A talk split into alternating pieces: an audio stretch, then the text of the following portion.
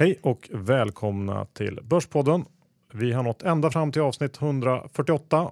Vi spelar in idag den 22 juni och eh, John Heter jag. och Johan heter jag. Kul. Ja, DeGiro är våra trogna sponsorer. Det är de. Gå in och öppna konto på giro.se. Upp till en miljon så handlar du courtagefritt hos dem. Och eh, de är väldigt bra mobilt faktiskt. Det tycker jag man ska ge dem. Så du får också hela världen tillgänglig, nästan. Inte alla jordens aktiemarknader, men faktiskt de flesta. Så gå in på giro.se och öppna ett konto som du och jag har gjort Johan. Yes. Och Lendify ska vi också säga några ord om. Ja, det ska man göra. Det här med peer-to-peer lending blir ju faktiskt eh, mer och mer eh, snackat om och eh, det verkar verkligen vara framtiden. Så tror man att det här kan vara något så tycker jag man ska gå in på lendify.se, öppna ett konto och själv börja konkurrera mot eh, bankerna. Så kan man antingen välja själv vilka man vill låna ut till eller så väljer Lendify det och sprider riskerna. 7% i avkastning har man fått, så gå in dit, lendify.se. Ja. Det börjar bli spännande EM, eller? Är det spännande eller inte? Ja, men det Sveriges tycker jag. kanske sista match idag. Idag kan det vara sista matchen och sista Zlatan-matchen, Johan. Är du, du är Zlatan-fan. Ni är född av den gyllene generationen 81 som i och för sig inte har uträttat så mycket. Men... Nej, men det är ändå, jo, det stämmer. Gyllene generationen. Och eh, har du bettat någonting på Leo Vegas som ju är vår sponsor? Ja, jag har ju bettat väldigt mycket under EM och nästan fått tillsägelse från dig Johan att jag spelar för mycket. Men jag tycker man ska göra som vi, gå in på leovegas.se och eh, dels utnyttja bonusarna som fortfarande finns där och eh, även de eh, bra oddsen som de har på sin ny satsning. Så det är kul att Leo Vegas nu även finns inom sportsegmentet på börsen, på kasino och på sportsbetting-sektionen. Så Ja. öppna konto där. Gör det. För mig har det inte gått så jättebra, men jag lägger, eh, jag går all in på Sverige ikväll faktiskt. Så vi får se. Jag funderar på om jag vinner mycket så ska vi ta och eh, bjuda lyssnarna på bira för mina vinstpengar. Bra idé. Vad ska vi snacka om idag? Vi har ju en liten specialare med Aktietorget. Yes, de var väl inte helt nöjda med hur vi har pratat om eh, Aktietorget och eh, deras bolag. Så därför bjöd vi hit dem. Det är ju inte mer än rätt att... eh, Har man bullshittat dem i tre år så kanske de också ska få göra sin röst hörd. Ja, och det blev ett eh, bra samtal tycker jag. I övrigt så kommer vi såklart snacka om de senaste bolagshändelserna. Vi har H&M, Telia och diverse småbolag samt ja, lite vad som händer på det större makroplanet. Och även Matte Kviberg. Ja, nu kör vi.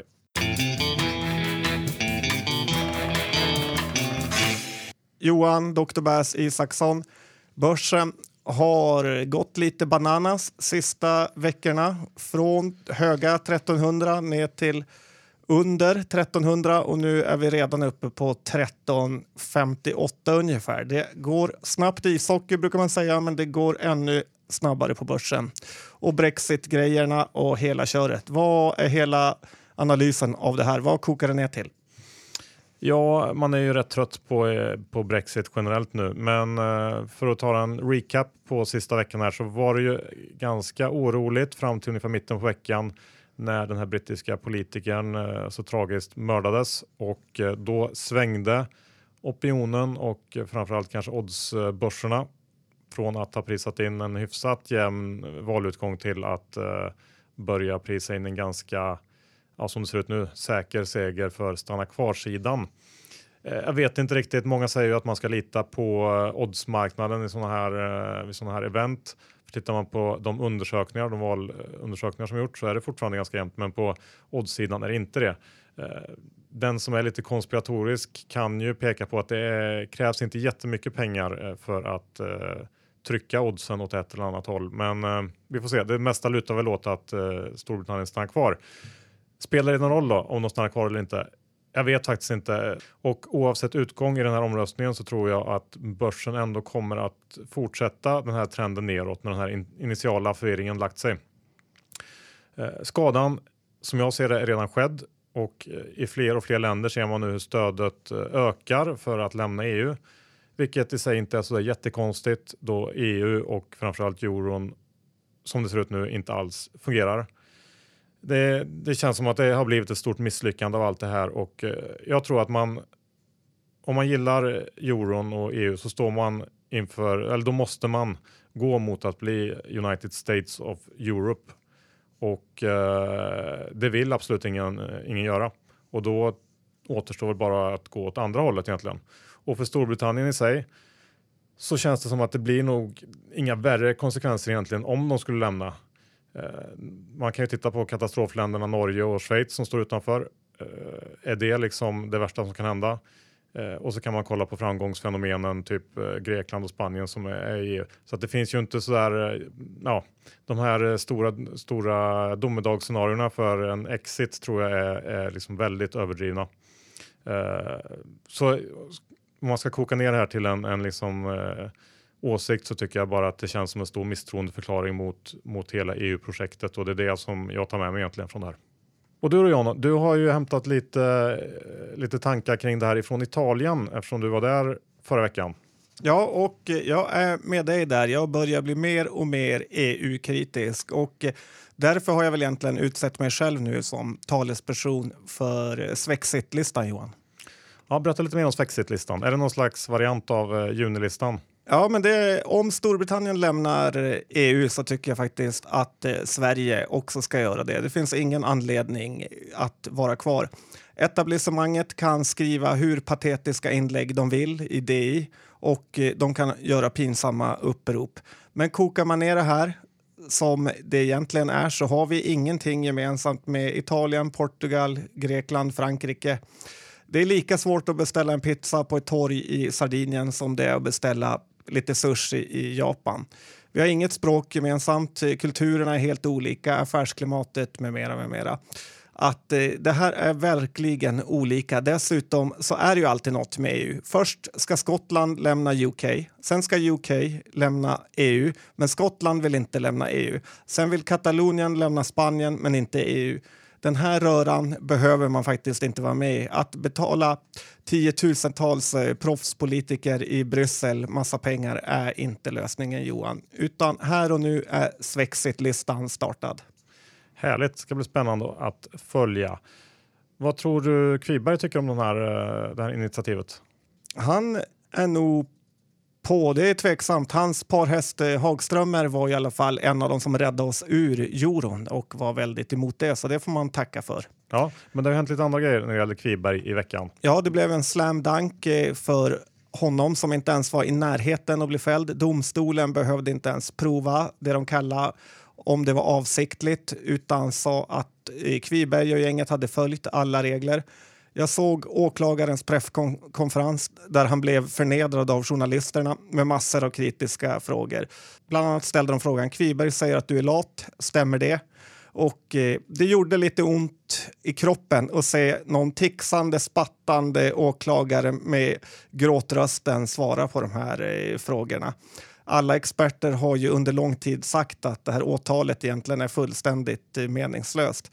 Att då EBM har jobbat eh, med det här sedan 2010 är ju helt otroligt.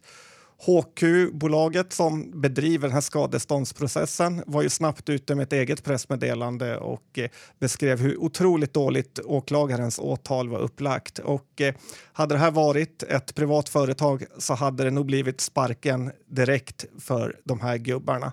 Det mest negativa med hela det här är väl egentligen att nu kommer traders och småsparare och en och annan pensionär få betala ett högt pris när de snabbt måste fixa lite meningslösa åtal. Så det finns säkert någon bloggare där ute, Johan, som har tjänat en tusenlapp eller två de kan ge sig på. Akta dig snåljåpen. Du, eh, Finansinspektionen då? Ja, det är faktiskt en annan grej som jag tänkt på lite nu när alla läckor flödar fritt från FI. Tidigare har ju alla avfärdat eh, Fingerprintmannen eh, Johan Karlströms påståenden att det har läckt från Fi eh, som ett eh, påhitt. Och eh, det här kanske man måste omrevidera. Först så läcker insiderförsäljningarna för Jörgen Lantto ut. Även om det förnekar det så var det ju ändå en stor grej på Twitter. Sen läcker deras dokument om Nordea ut till Svenska Dagbladet. Och eh, man börjar ju undra om det här verkligen är gänget som ska skydda Sverige. Dessutom så kan jag tänka mig Kvibergs glädje från att eh, bli friad snart kommer vändas till ett bottenlöst hat mot Finansinspektionen som tog ifrån honom hans bank och kostade honom otroligt eh, med pengar när det kanske inte ens var rätt. Har du någon eh, börsrelaterad spaning då när det gäller EM? Ja, EM går ju mot sitt slut nu och det är kanske roligast innan EM eller vid första matchen. Sen i takt med att det går dåligt för nästan alla länder så dör ju stämningen lite. Men en grej jag tänkt på är ju alla konstiga sponsorer som Euro 2016 har. Det är Hinse, Kinas största bredbandsleverantör, är ju någon typ av huvudsponsor samt eh, något som heter Sokor som är Azerbajdzjans energibolag. Och det är något som inte riktigt eh, stämmer med de här eh, sponsorerna. Sen brukar man ju säga att man ska sälja medan man kan och inte när man måste. Så titta på Zlatan. Han skulle verkligen ha signat ett kontrakt innan EM.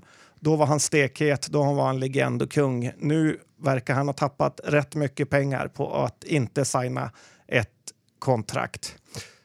Man ska smida medan järnet är hett, Johan, som du brukade säga på Stockholms nation. Ja, jag tror i och för sig att eh, klubbarna som är ute efter Zlatan ser lite längre än två matcher med ett kast svenskt landslag. Men vi får se. Ska vi gå över lite till vad som händer i USA? Tesla la igår kväll bud på Solar City. Elon Musk är ju huvudägare i bägge de här bolagen. Han är smart som satan, men jag förstår faktiskt inte riktigt vad han håller på med här. Han säger att man ska sälja Solar Citys paneler under eh, Tesla varumärket i Tesla butiker och att den här planerade Gigafactory Eh, fabriken ska tillverka batterier till Solar City-kunderna och att det ska bli synergier på så sätt. Det känns långsökt tycker jag. Dessutom så har bägge de här bolagen rätt saftiga eh, skuldberg att jobba med och bägge två har negativa kassaflöden. Eh, ja, det här känns ju fruktansvärt svajigt det här bygget och att stoppa sätta ihop två stycken eh, sådana här byggen till ett jättestort svajigt bygge. Jag vet inte, jag skulle hålla mig borta från den här aktien. Mm, det är lite som Torstorn. Ja, ungefär. Buffett då, har han varit ute och sagt någonting på slutet? Buffett körde en föreläsning i en skola här i USA och eh, han fick en fråga vad han tyckte var Trumps eh, största misstag som investerare. Och eh, hans svar var ganska lätt och det var överbelåning. Enligt Buffett finns det ju två saker då som han har sett hur många som helst personer fallera med. Det ena det är att överbelåna sig, att eh, tänka på mer hur mycket man kan låna än på att tänka hur man ska betala tillbaka det. Och, eh, han säger själv att han aldrig har belånat sig stort och eh, enligt honom behöver man inte det för att vara skicklig. Dessutom finns det egentligen ingen nytta med att ha två X istället för bara X som han ser det. Det andra hotet han såg Johan, vet du vad det var? Uh, nej, det kanske har någonting med eh, uh, festande att göra. Ja, det var helt rätt. Sponken var hot nummer två. Så många personer har gått bort, sig tack vare sponken. Så det är väl hela Sveriges befolkning ligger i farozonen på båda de här delarna. Ja, det är bara att lyssna på den där smarta mannen.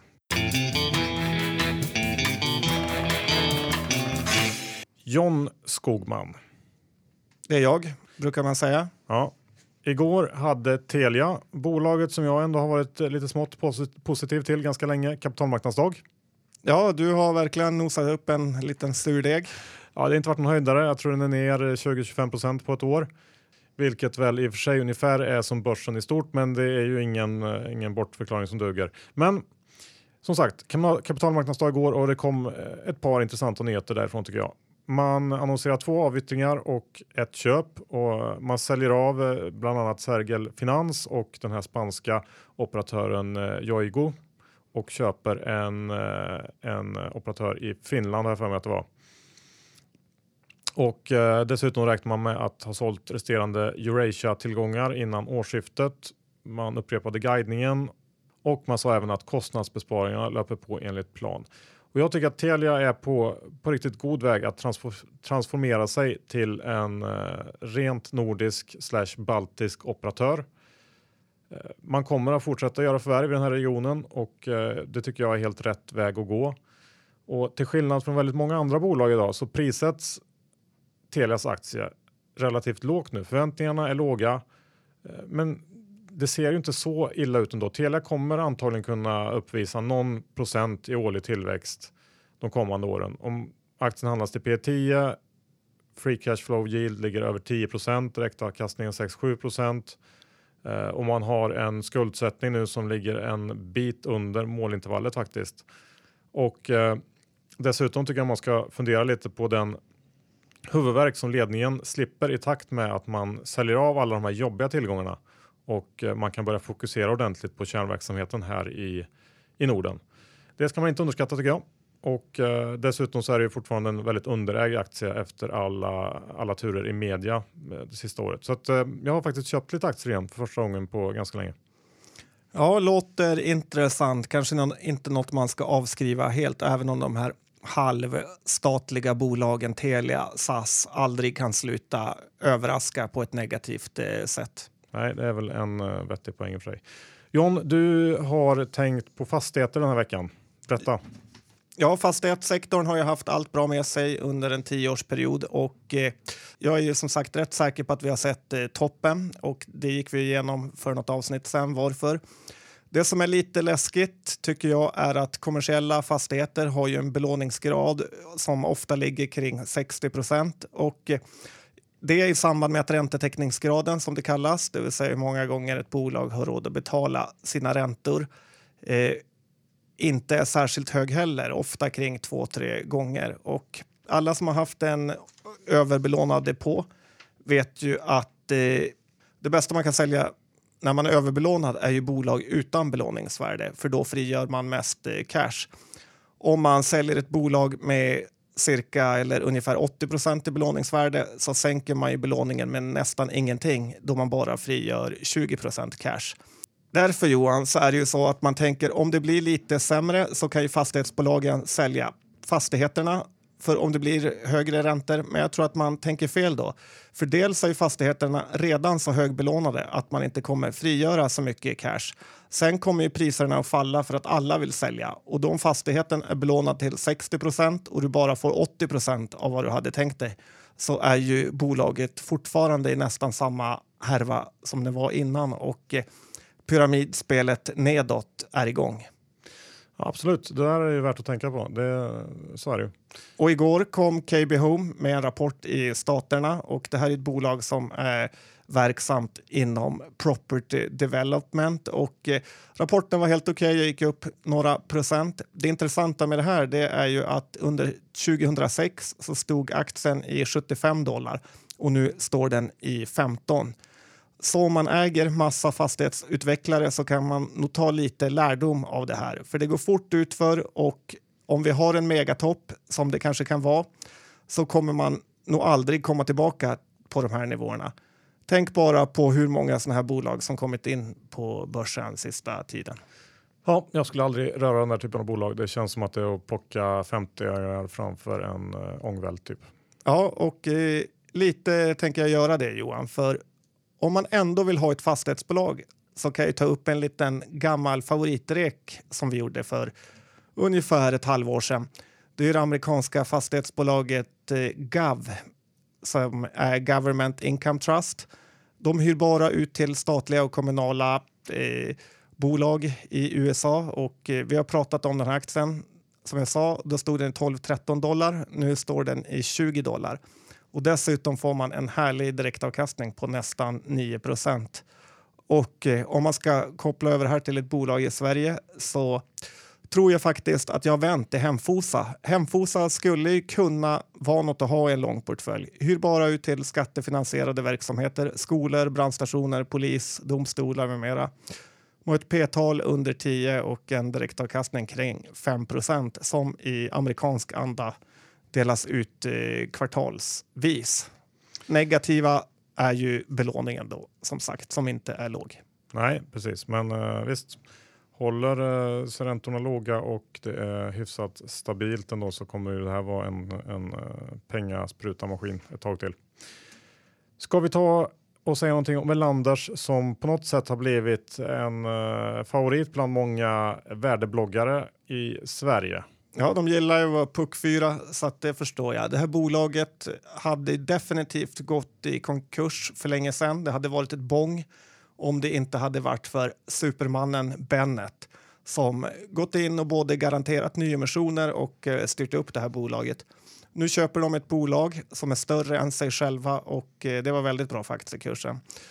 Det kommer att bli en nyemission som såklart Bennet också garanterar. Det här kan vara ett intressant köp, tycker jag också, men man ska inte köpa nu utan vänta tills hela köret med teckningsrätter och eh, sånt har satt lite press, för då kommer man nog rätt säkert komma in billigare än 80 kronor. Ja, det tror jag också. Nilongruppen då? Ja, Nilongruppen kan vara ett eh, case både upp och ner här, Johan. Det är ju ganska mycket sämre ägare i Traction, men ändå.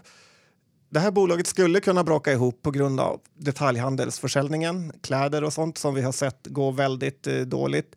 Det är svårt att se hur man ska behöva snygga etiketter när man shoppar på nätet. Eh, det här är mer av en riktig grej som du vill ha när kläderna hänger i affären, känner jag det som i alla fall. Dock har ju bolaget en väldigt bra balansräkning och eh, skulle kunna smälla till med ett stort eh, förvärv och också få en Elanders eh, resa. Så jag tycker man kan hålla koll på Nilongruppen i båda riktningarna, Johan. Ja, okej. Okay. Ja. När vi ändå är inne på, på retail så kanske vi ska säga några ord om H&M som kom rapport i morse. Som väntat var det här ingen höjdare.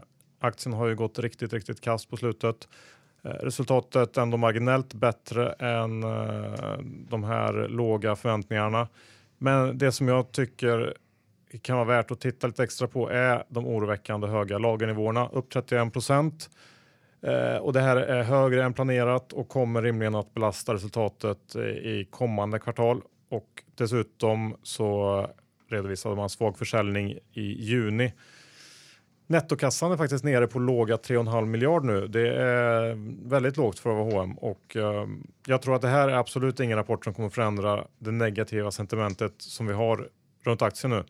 Och även om jag fortfarande tror att det är hyfsade nivåer eh, för bra långsiktigt köp så tror jag ändå att vi ska lägre innan, eh, innan det här vänder faktiskt. Så att eh, personligen så väntar jag med att köpa H&M. Hoppas på att vi kommer ner mot låga 200. Ja, jag tycker det är konstigt att de fortsätter öppna butiker i samma höga takt, vilket i min bok är dåligt. De behöver bli bättre online och inte ha massa fler butiker som säljer mindre och mindre. Dessutom som du sa, lagret överfyllt och eh, förmodligen med massa kuddar från H&M Home och konstiga solglasögon och läppglans från Other Stories. Så det är nog dags för KJP att lämna den här skutan och lämna över till någon utifrån med lite nytänk. Ja, jag vet inte. Jag vidhåller ändå att man ska ge KJP eh, lite tid till och jag tycker att han ändå har gjort det bra. För att du vill köpa på 200? Ja, precis. Ska vi avsluta med eh, ett litet eh, bolag som heter Hövding, John? Ja, Hövding gjorde nyemission och eh, allt såg väldigt bra ut i det här, verkar frid och fröjd. Teckningsrätten och aktien gick inte ner särskilt mycket, men sen kommer resultatet av nyemissionen och då verkar det som att i princip ingen har tecknat aktier via teckningsrätterna utan de som tecknar utan företräde får allting. Det här är lite oroväckande skulle jag säga och eh, det bådar inte särskilt gott för kursutvecklingen på kort sikt. Så här får jag faktiskt eh, passa. Ja, det blir inte bättre av att de har en produkt som jag tror är mer eller mindre osäljbar också. Nej, det blir inte bättre av det. Nu är det dags för vårt snack med Aktietorget. Det här samtalet spelades in 17 juni.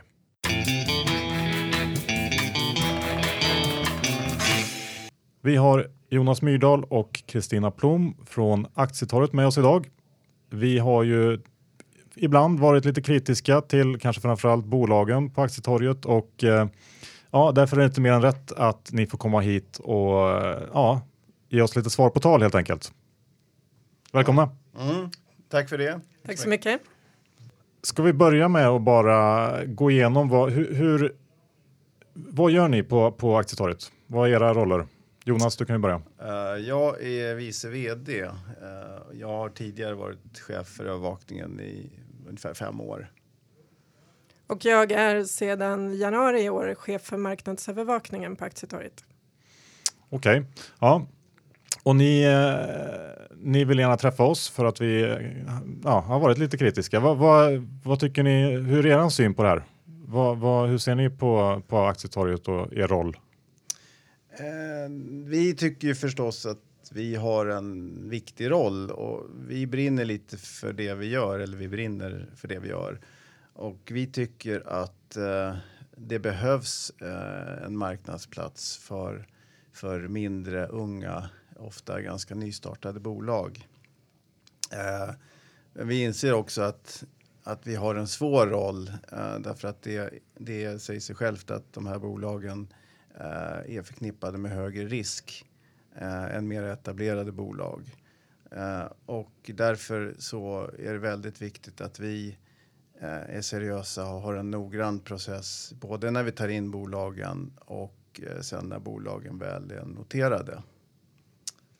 För det är en kritik vi haft att eh, ni inte har varit eh, tillräckligt eh, noggranna när ni tagit in bolag. Hur, hur skannar ni igenom de här bolagen innan de får komma in på börsen?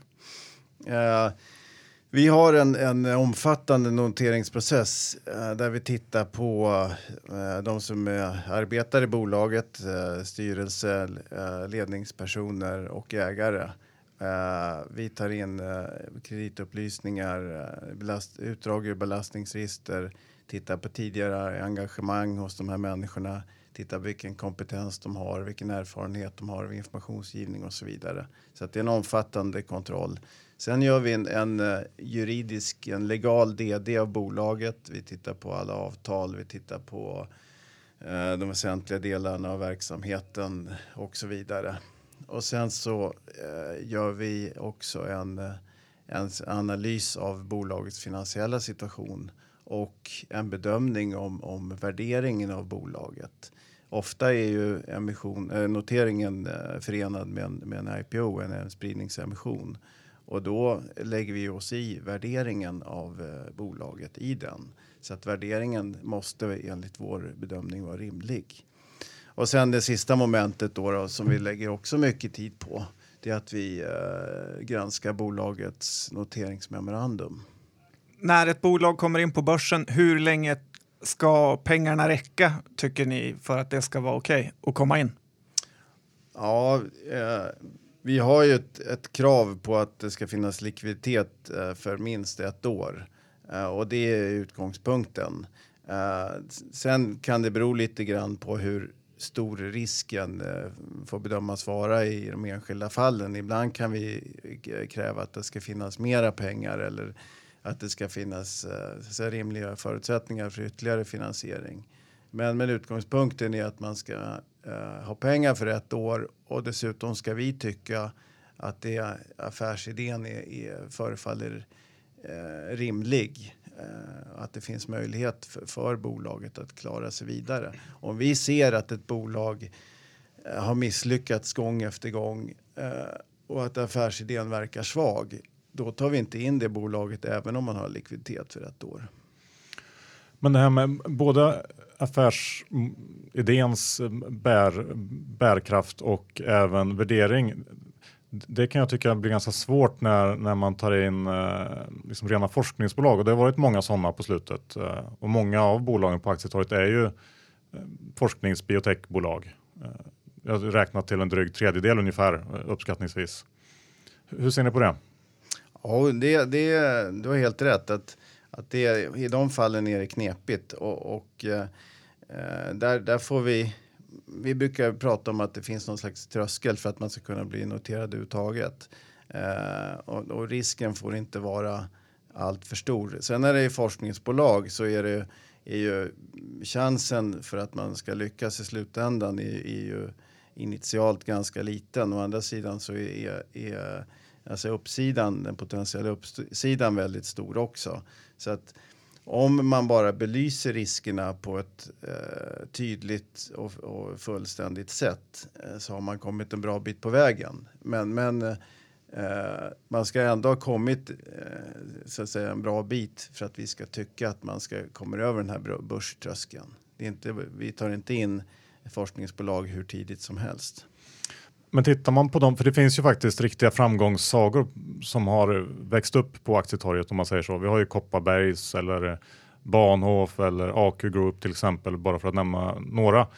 Men ingen av de här framgångssagorna är ju den här typen av bolag utan det är ju, är ju helt andra bolag helt enkelt. Gör ni någonting för att liksom få in mer eh, andra typer av bolag? Ja, eh, egentligen är vi ju eh, öppna, eller så att säga, vi välkomnar alla bolag som vi tycker är, är intressanta och som, är, som vi bedömer är börsfähiga. Eh, sen sista åren så har det, har det blivit en, eh, en koncentration av forskningsbolag.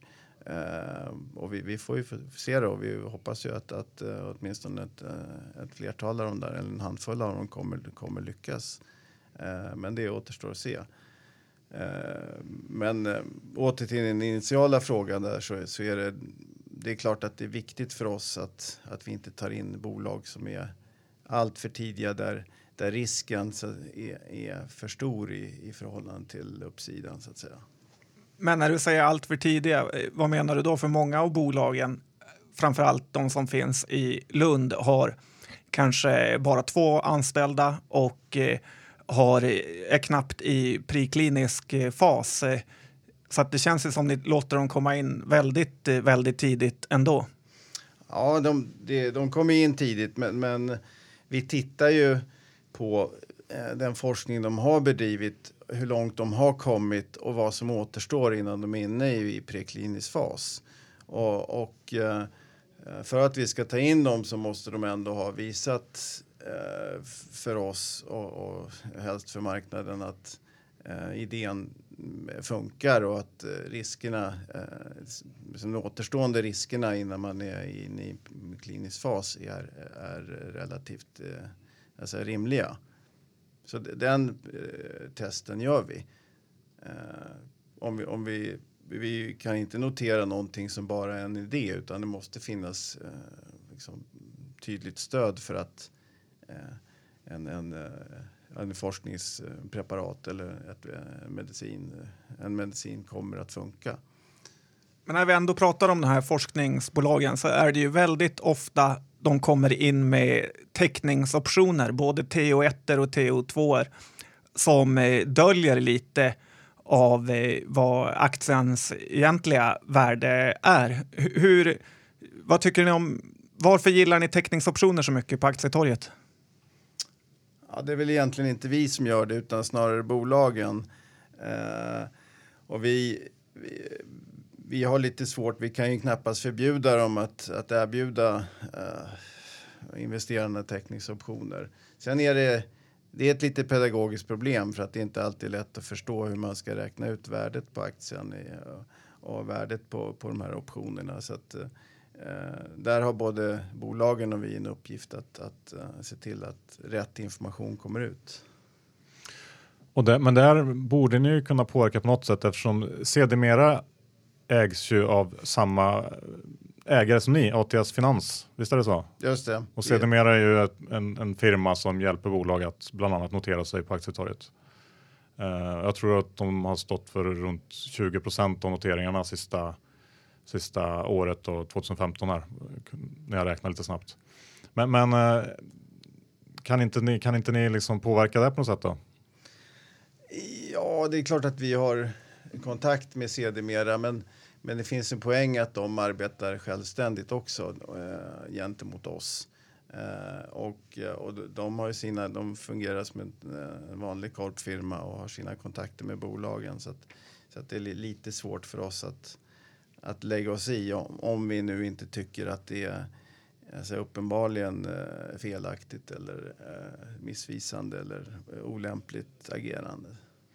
Och hela det här upplägget med sedermera, är inte det liksom upplagt lite grann för, för eh, någon slags intressekonflikt? Att ni har eh, samma ägare och eh, ja, de vill notera bolag, ni vill ha fler bolag på börsen. Att eh, det finns en risk att, att vissa bolag kommer in, eh, slinker in eller att man, ja. Ja, och det, det finns en potentiell intressekonflikt där. Man kan, man kan tänka sig att aktietorget skulle se mellan fingrarna när det kommer ett bolag från sedermera. Eh, man kan tänka sig att sedermera styr bolag till aktietorget när de eh, skulle må bättre någon annanstans.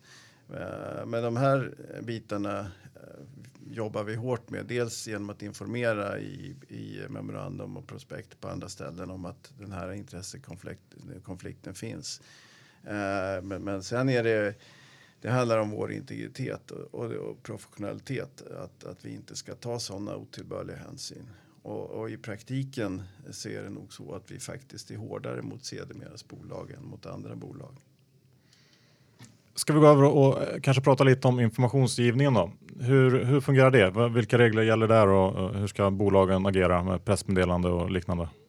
Eh, ja, men informationsreglerna är ju väldigt lika på aktietorget på, som på andra marknadsplatser så att jag skulle säga att reglerna för våra bolag liknar egentligen eh, det är samma regler som på First North och på börsen. Det som är, skiljer oss från de andra marknadsplatserna i stort är att vi förhandsgranskar alla pressmeddelanden. Och det gör vi ju just för att vi vet att det är väldigt unga, omogna bolag med små organisationer. Så man kan säga att vi gör den här extra kollen och ställer extra jobbiga frågor. Eh, och bolagen tycker väl ofta att vi är besvärliga. Vi ringer på väldigt många pressmeddelanden eh, och har synpunkter. Eh, så att det är väl det som vi tycker att vi gör, gör bra och gör att informationsgivningen ändå blir på en högre nivå. Eh. Läser ni pressmeddelanden innan eller efter de kommer ut? Innan. Vi publicerar pressmeddelandena. Och ändå kan det komma ut så många konstiga pressmeddelanden från era bolag? Ja, men då ska man säga så här då. Samtidigt som jag säger att vi, vi förhandsgranskar så har vi svårt att säga att man får inte publicera ett pressmeddelande. Utan det kan ju vara så att eh, bolaget inte håller med om våra synpunkter eller att bolaget väljer att inte följa våra rekommendationer. Eh, och då leder ju det till andra åtgärder som då kanske marknaden inte ser. Men att vi har väldigt många ärenden som pågår på olika sätt och kontinuerliga diskussioner med bolagen om hur det här ska hanteras. För pressmeddelanden är ju kanske den viktigaste kursdrivaren i de här bolagen så att det, det får ju stora konsekvenser på börskursen beroende på hur de formuleras. Absolut, Nej, men det är vi fullt medvetna om och det är därför vi hela tiden ringer och ställer den här typen av frågor till bolagen. Och eh, just där tror jag att vi, vi och ni har samma, samma syn på hur ett pressmeddelande ska formuleras och att det inte ska vara spekulativt, det ska vara tydligt, det ska framgå.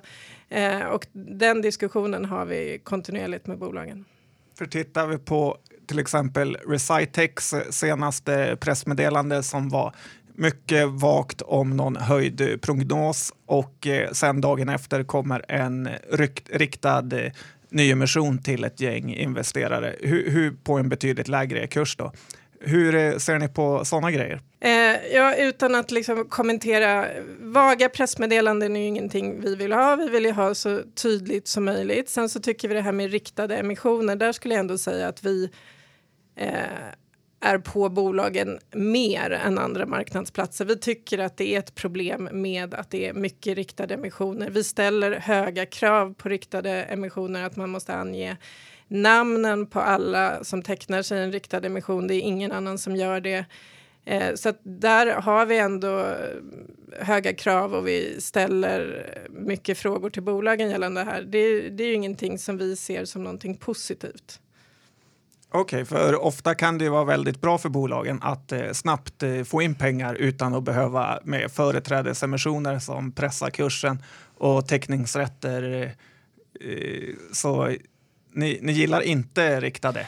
Nej, men det, finns ju, det finns ju vissa skäl. Bolagen hos oss ska ju följa våra regler och god sed och där finns det ju ändå ganska tydliga uttalanden om när man ska använda sig av riktade emissioner. Är man ett bolag som är noterat så är ju det företrädesemissioner som är eh, det första alternativet alltid för bolaget. Finns det speciella skäl som säger att i det här skedet måste bolaget snabbt kunna få in de här pengarna eller att man måste rikta sig till en grupp för att de här är långsiktiga Eh, då kan det finnas skäl för en riktad emission, men det får inte vara så att slentrianmässigt görs riktade emissioner för att det är ett billigt och enkelt sätt att ta in pengar. Det gynnar inte aktieägarna, anser vi. Vi har ju sett under de senaste åren att det har kommit fram en en ganska stor grupp eh, privata investerare eh, som har omfattande kontakter med de noterade bolagen. Och de här investerarna är ofta med i private placement inför noteringar. De är garanter och eh, lämnar teckningsförbindelser inför noteringar och de är ofta med i riktade emissioner när bolaget väl är noterat. Och eh, de gör säkert stor nytta i, i vissa fall därför att de eh, tillför kapital och de, de eh, hjälper bolagen att uh, få en brygga till nästa finansiering och så vidare. Men i vissa fall kan vi se att, att deras intressen inte riktigt verkar överensstämma med, med i varje fall småspararnas intressen. och det där upplever vi lite grann som ett, ett problem att eh, många gånger så måste vi ställa oss frågan var det befogat med en riktad emission i det här fallet? Och var kursen vettig? Var, var det rimligt med en rabatt på 15 procent i det här bolaget? Och, och ibland är det till och med så att, att man kan misstänka att bolagets informationsgivning i någon mån har påverkats av, av uh, de här investerarna. Att, att uh, att det först kommer någon, någon positiv information från bolaget och sen så följs den av en, en riktad emission på en lägre kurs. Eh, eller tvärtom. Eh, och det där upplever vi faktiskt som ett, ett problem. Och det är någonting som vi försöker ta upp med bolagen och även med, med deras rådgivare. Okej, okay. ja men det var ju bra info. Hur ser ni på övervakningen på det här med Öres-aktier som är dominant på aktietorget. För det, där rör ju sig aktierna väldigt, väldigt mycket. Varför vill ni inte att de ska stå i eh, lite mer normala kurser? Det här med öresaktier var ett, ett stort problem för några år sedan. Eh, kanske ett problem fortfarande, men, men numera kan man ju handla faktiskt eh, i en, en, en tiondels öre. Och där, därför eh, så spelar alltså, eh, aktiekursen inte så himla stor roll. Eh, sen har det väl en, en, psykologisk inverkan om en aktie står i, i fem öre kanske. Men, men handelstekniskt så är det inte samma problem som eh, innan man införde eh, möjligheten att handla i tiondels öre.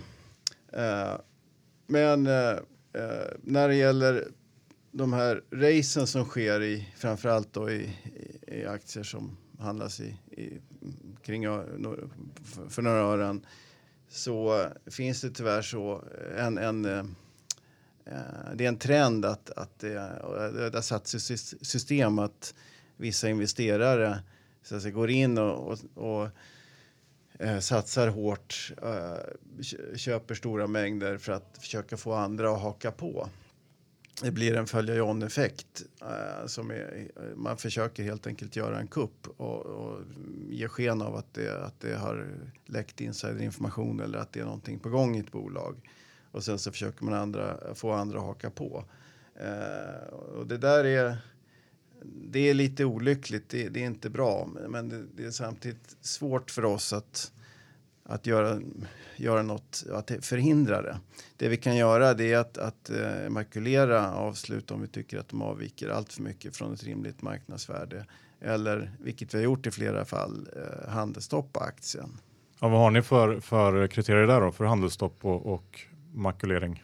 Ja, det, det, det handlar om, om avvägningar och bedömningar. Det, det finns inga uh, definitiva, uh, alltså, så, de, eller tydliga definitioner på när man ska makulera eller, eller handelsstoppa. Men, men eh, utgångspunkten är att eh, uh, marknadsvär- priset på aktien ska, ska vara rimligt i förhållande till, till hur bolaget ser ut och hur bolaget har informerat. Och, och ja, allt för mycket eh, så, så blir det aktuellt för oss att, att handelsstoppa. Men det är klart att det, det är naturligt i i mindre bolag av förhoppningskaraktär att kursen kan röra sig rätt mycket så att det ska till en ganska ordentlig eh, avvikelse in, innan vi tycker att vi kan eh, handelsstoppa eller makulera ett avslut. Mm, men det är från fall till fall då helt enkelt? Och... Ja, det är från fall till fall. Det är det. Jag tänkte jag skulle vilja gå tillbaka till det här med informationsgivning lite grann bara och om ni kunde ta det här senaste, inte Fox lite som exempel, vad som gjorde att eh, ni, ni agerade där och, och har varnat dem, eh, till och med hotat med att avnotera det bolaget. Vad var det som brast där i informationsgivningen? Där har vi ju, ja, det har vi gått ut med ganska mycket information, men, men vi hade, eh, gick igenom informationsgivningen och upptäckte väldigt många fel. Eh, bland annat handlade det om då finansiell information som var felaktig. Eh, förra året eh, när, man, när man skickade ut sin eh, bokslutskommuniké så stämde inte siffrorna överens med bokslutskommunikén från förra året. Och då visade det sig att eh, den bokslutskommunikén stämde inte överens med årsredovisningen. Eh, sen är ju det också ett bolag som har en, en prospekteringsverksamhet som ligger i Tomsk. Eh, det är väldigt svårt för någon att kontrollera vad som eh, verkligen händer och eh, liksom kunna. Och då är det ju extra viktigt att bolaget är extremt tydligt i sin informationsgivning och säger var, var står vi nu? Vad händer? Eh, och där tyckte vi då att eh, bolaget också hade gått ut med väldigt många pressmeddelanden om eh, potentiella förhandlingar om försäljning utan att det kom någon konkret information. Utan det var, det var I 20 pressmeddelanden har man nämnt eh, förhandlingar som pågår eh, och man får aldrig veta, veta vem som är motparten och exakt var man är i de här förhandlingarna. Eh, så att det, det sammantaget gjorde ju att vi Ja, vi granskade bo, bolagets information extra, extra noga och hittade då väldigt mycket eh, felaktigheter helt enkelt. Sen var, man kan tillägga där eh, att eh, bolaget eh, gick ut i, i pressmeddelande och sa att man hade registrerat eller ansökt om registrering av tillgångar hos de eh, ryska myndigheterna. Eh, och sen eh, ett halvår eller vad det var eh, senare så, så kom det fram att, att man inte hade överhuvudtaget ansökt om någon registrering. Så det var en direkt felaktig uppgift i, om väsentliga förhållanden. Vi får se, för där är det inte riktigt klart vad som ska hända än, eller hur ser Nej, det ärendet har ju lämnats över till disciplinkommittén så att disciplinkommittén ska ta ställning till det. Ehm, så att det fortsättning följer. Och det är de då som har sista ordet där om man får stanna kvar som eh, noterat bolag på aktietorget. Ja, kommittén lämnar en rekommendation och sen är det ATS Finans styrelse då som fattar det formella beslutet. Det brukar alltid gå i linje med den här rekommendationen. Och där kan jag också då passa på att lägga till att det här är då ändrat i noteringsavtalet från den eh, 3 juli. Att framöver så är det kommittén som fattar beslutet. Mm. När det gäller Interfox skulle man kunna lägga till också att vi pratade om, om de här pressmeddelandena Eh, om eh, pågående förhandlingar och så vidare. Och Kristina nämnde ju att det var ett 20-tal eh, sådana pressmeddelanden. Och, och det där visar lite grann att, att det är viktigt att, att liksom följa det, det, det, så att säga, den sammanlagda kumulativa effekten av pressmeddelanden är viktiga för oss. Och om ett bolag vid ett tillfälle går ut med ett pressmeddelande mm, som kanske är lite vagt i kanterna och har lite förhoppningskaraktär så, så kanske vi kan acceptera det.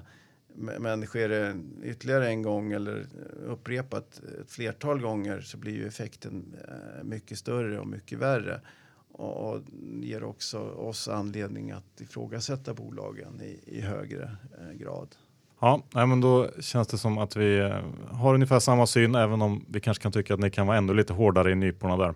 En annan populär grej vad gäller aktietorgsbolag är ju bloggar och blogg-impact som får aktier och rusa både upp och ner.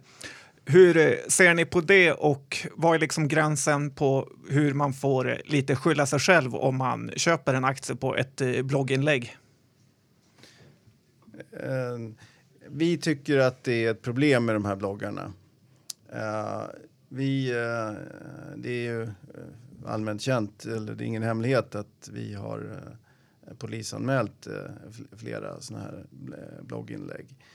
Vi tycker att det är vilseledande information och många gånger på gränsen till svindleri. Och vi, vi kan ju se också att de här blogginläggen ofta är kombinerade med handel som, som utvisar att de som skriver gör skriver bara för att lura marknaden och själv tjäna pengar.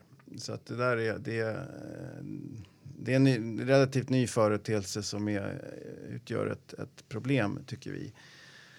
Eh, och eh, när det gäller frågan där om, om, om folk får skylla sig själva så eh, tycker vi inte det, utan det vi, vår uppgift är, ser vi det här så då måste vi vara observanta på handeln eh, och, och eventuellt överväga handelsstopp och makulering av, av avslut om det avviker allt för mycket.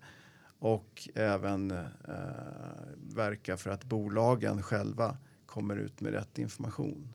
Sen är det här svårt därför att eh, vi kan inte styra de här bloggsidorna eh, och, och, vi kan inte hindra folk för att släppa information på nätet självklart. Men det vi har gjort är att vi har tagit upp de här frågorna med Finansinspektionen, med Ekobrottsmyndigheten och, och, inte minst med Finansinspektionen så har vi, har vi uppmanat dem eller vädjat eh, till dem att de ska ha hårdare reglering på i vart fall de institut som står under tillsyn. Men här handlar det alltså om, om folk som då skriver en sak och agerar i motsatt riktning då antar jag? Ja, just det. Just det. Men det, det kommer ju också nu ny reglering som i alla fall tar hand eller till viss del eh, gör det svårare att skriva den typen av rena analyser som, som man gör på bloggar där man faktiskt ändå måste ange vem man är och vad man har för intresse själv i det här bolaget. Sen finns det ju mycket annat som skrivs som kanske då inte kan anses som en analys eh, som, som fortfarande kommer vara ett problem. Men där kommer, när det just gäller analysliknande eh, Eh, inlägg så kommer Finansinspektionen kunna få, få mer mandat att ingripa framöver. Är ni inte rädda att ni reglerar det för hårt då internet och chattsidor är ett väldigt bra sätt för folk att utbyta information mellan varandra och om man då hela tiden ska vara rädd för att man är påverkande eller att man inte får sälja inom någon påhittad eh, dag eller vecka efter man har sagt något. Förstör ni inte lite av det som är bra med den svenska oh. finansmarknaden, att den är så öppen och jag, jag, jag, kan ta det. Jag kanske var lite kategorisk där innan. För det är klart att, att eh, bloggar, chattsidor eller kommunikationen, informationen på, på nätet är bra också för att den väcker intresse och, och den ger nya infallsvinklar och sånt där. Så att vi, vi, vi är självklart inte emot chattsidor och, och att, att folk diskuterar bolagen. Det, det, är i grund och botten bra. Men, men det är, det är när den, de här verktygen missbrukas, det är då risken uppstår och det är det man måste försöka täppa till. Till exempel de här som Kristina var inne på, de här eh, anonyma investeringsanalyserna och så vidare.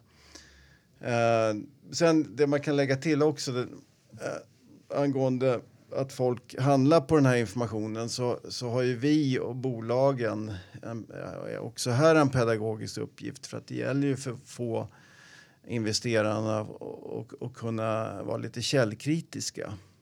Alltså man måste förstå att en chattsida det, eh, det, är inte samma sak som information från bolaget. Och, och att det kan finnas eh, folk som missbrukar den där informationen, att det kan vara rykten och det, det kan vara eh, ja, att det kan vara låg nivå, att man ska ta den informationen med en nypa salt. Och där, där som sagt har ju vi eh, och bolagen en pedagogisk uppgift att klargöra att, att den, den, den information man i första hand ska titta på det är den som bolagen släpper i enlighet med noteringsavtalet, det vill säga pressmeddelanden. En sak jag är intresserad av är hur ett bolag som iMint kan komma in på eh, kring 10 kronor och sen stå i 80 efter bara någon månad utan att egentligen ha kommit några pressmeddelanden. Hur följer ni upp eh, det där och eh, vad är det som ligger bakom en sån enorm uppgång på nästan tio gånger? Det där är svårt att förutse eh, för att alltså, marknaden och noteringsklimatet styrs mycket av psykologiska faktorer. Och det där har vi märkt att vissa sektorer och vissa bolag blir inne ibland och sen så blir emissionerna oerhört övertecknade. Eh, flera gånger har det varit så att vi har pressat ner noteringskursen för vi har tyckt att nej, men det här bolaget kan, det, eh, kan inte vara värt så så mycket utan max eh, en annan, ett annat belopp. Och sen har emissionen ändå blivit övertecknad eh, 4, 5, 600 procent. Så det där det är svårt att förutse.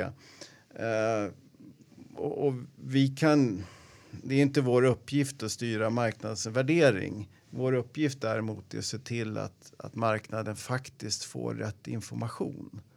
Uh, och ibland kan det vara så att, att värderingen i sig föranleder bolagen att gå ut med korrigerande information. Det har ju hänt att aktiekurser har stuckit iväg eh, efter såna här race eh, på ett helt oproportionerligt sätt. Och då har ibland bolagen, men ofta vi, eh, sett till att bolagen har gått ut med information och sagt att nej, det har faktiskt inte hänt någonting. Nej, vi har ju fortfarande den här omsättningen. Eh, nej, vi är fortfarande långt ifrån eh, den och den milstolpen. Eh, så att i, i de undantagsfallen så kan vi försöka eh, få bolagen gå ut med, med så att säga, bäsande information.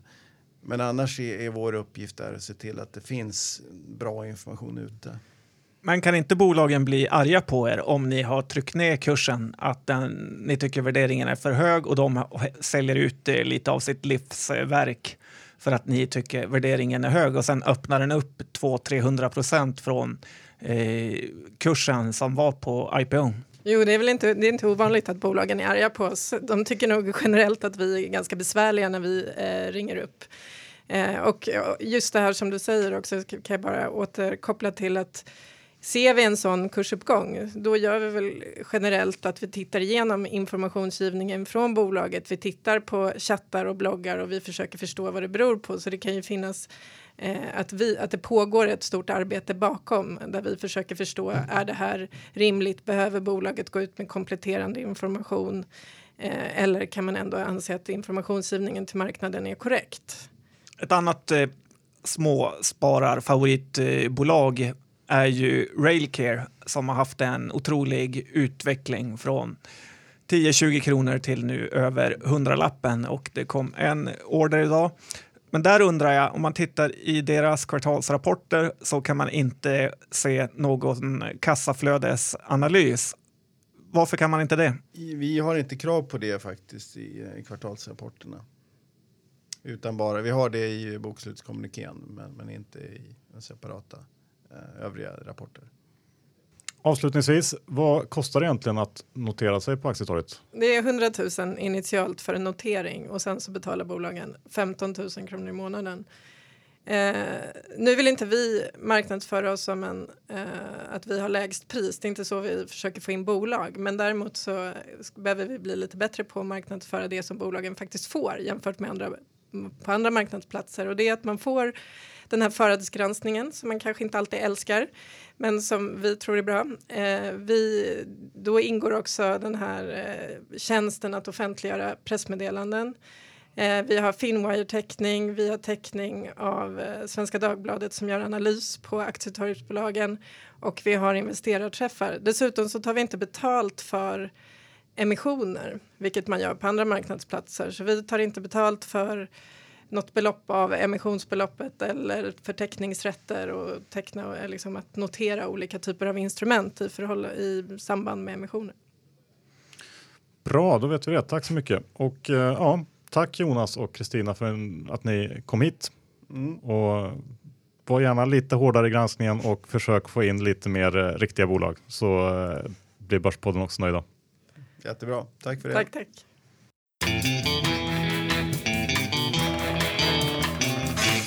Sådär John, kul att höra Aktietorgets syn på saker och ting.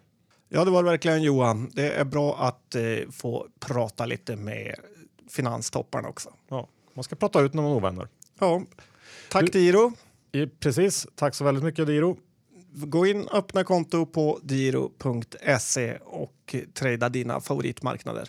Ja, och Lendify, bli din egen bank.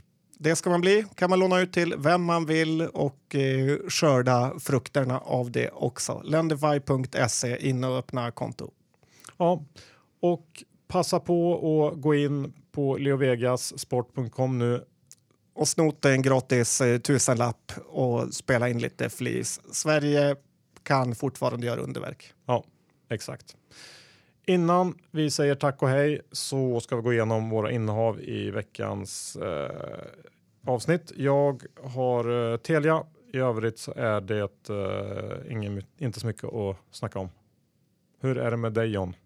Jag tror det är premiäravsnittet att jag inte har en enda aktie av det vi har pratat om, förutom att jag är partiledare för Swexit-listan. Gott nog. Tack för att ni lyssnade. Hej!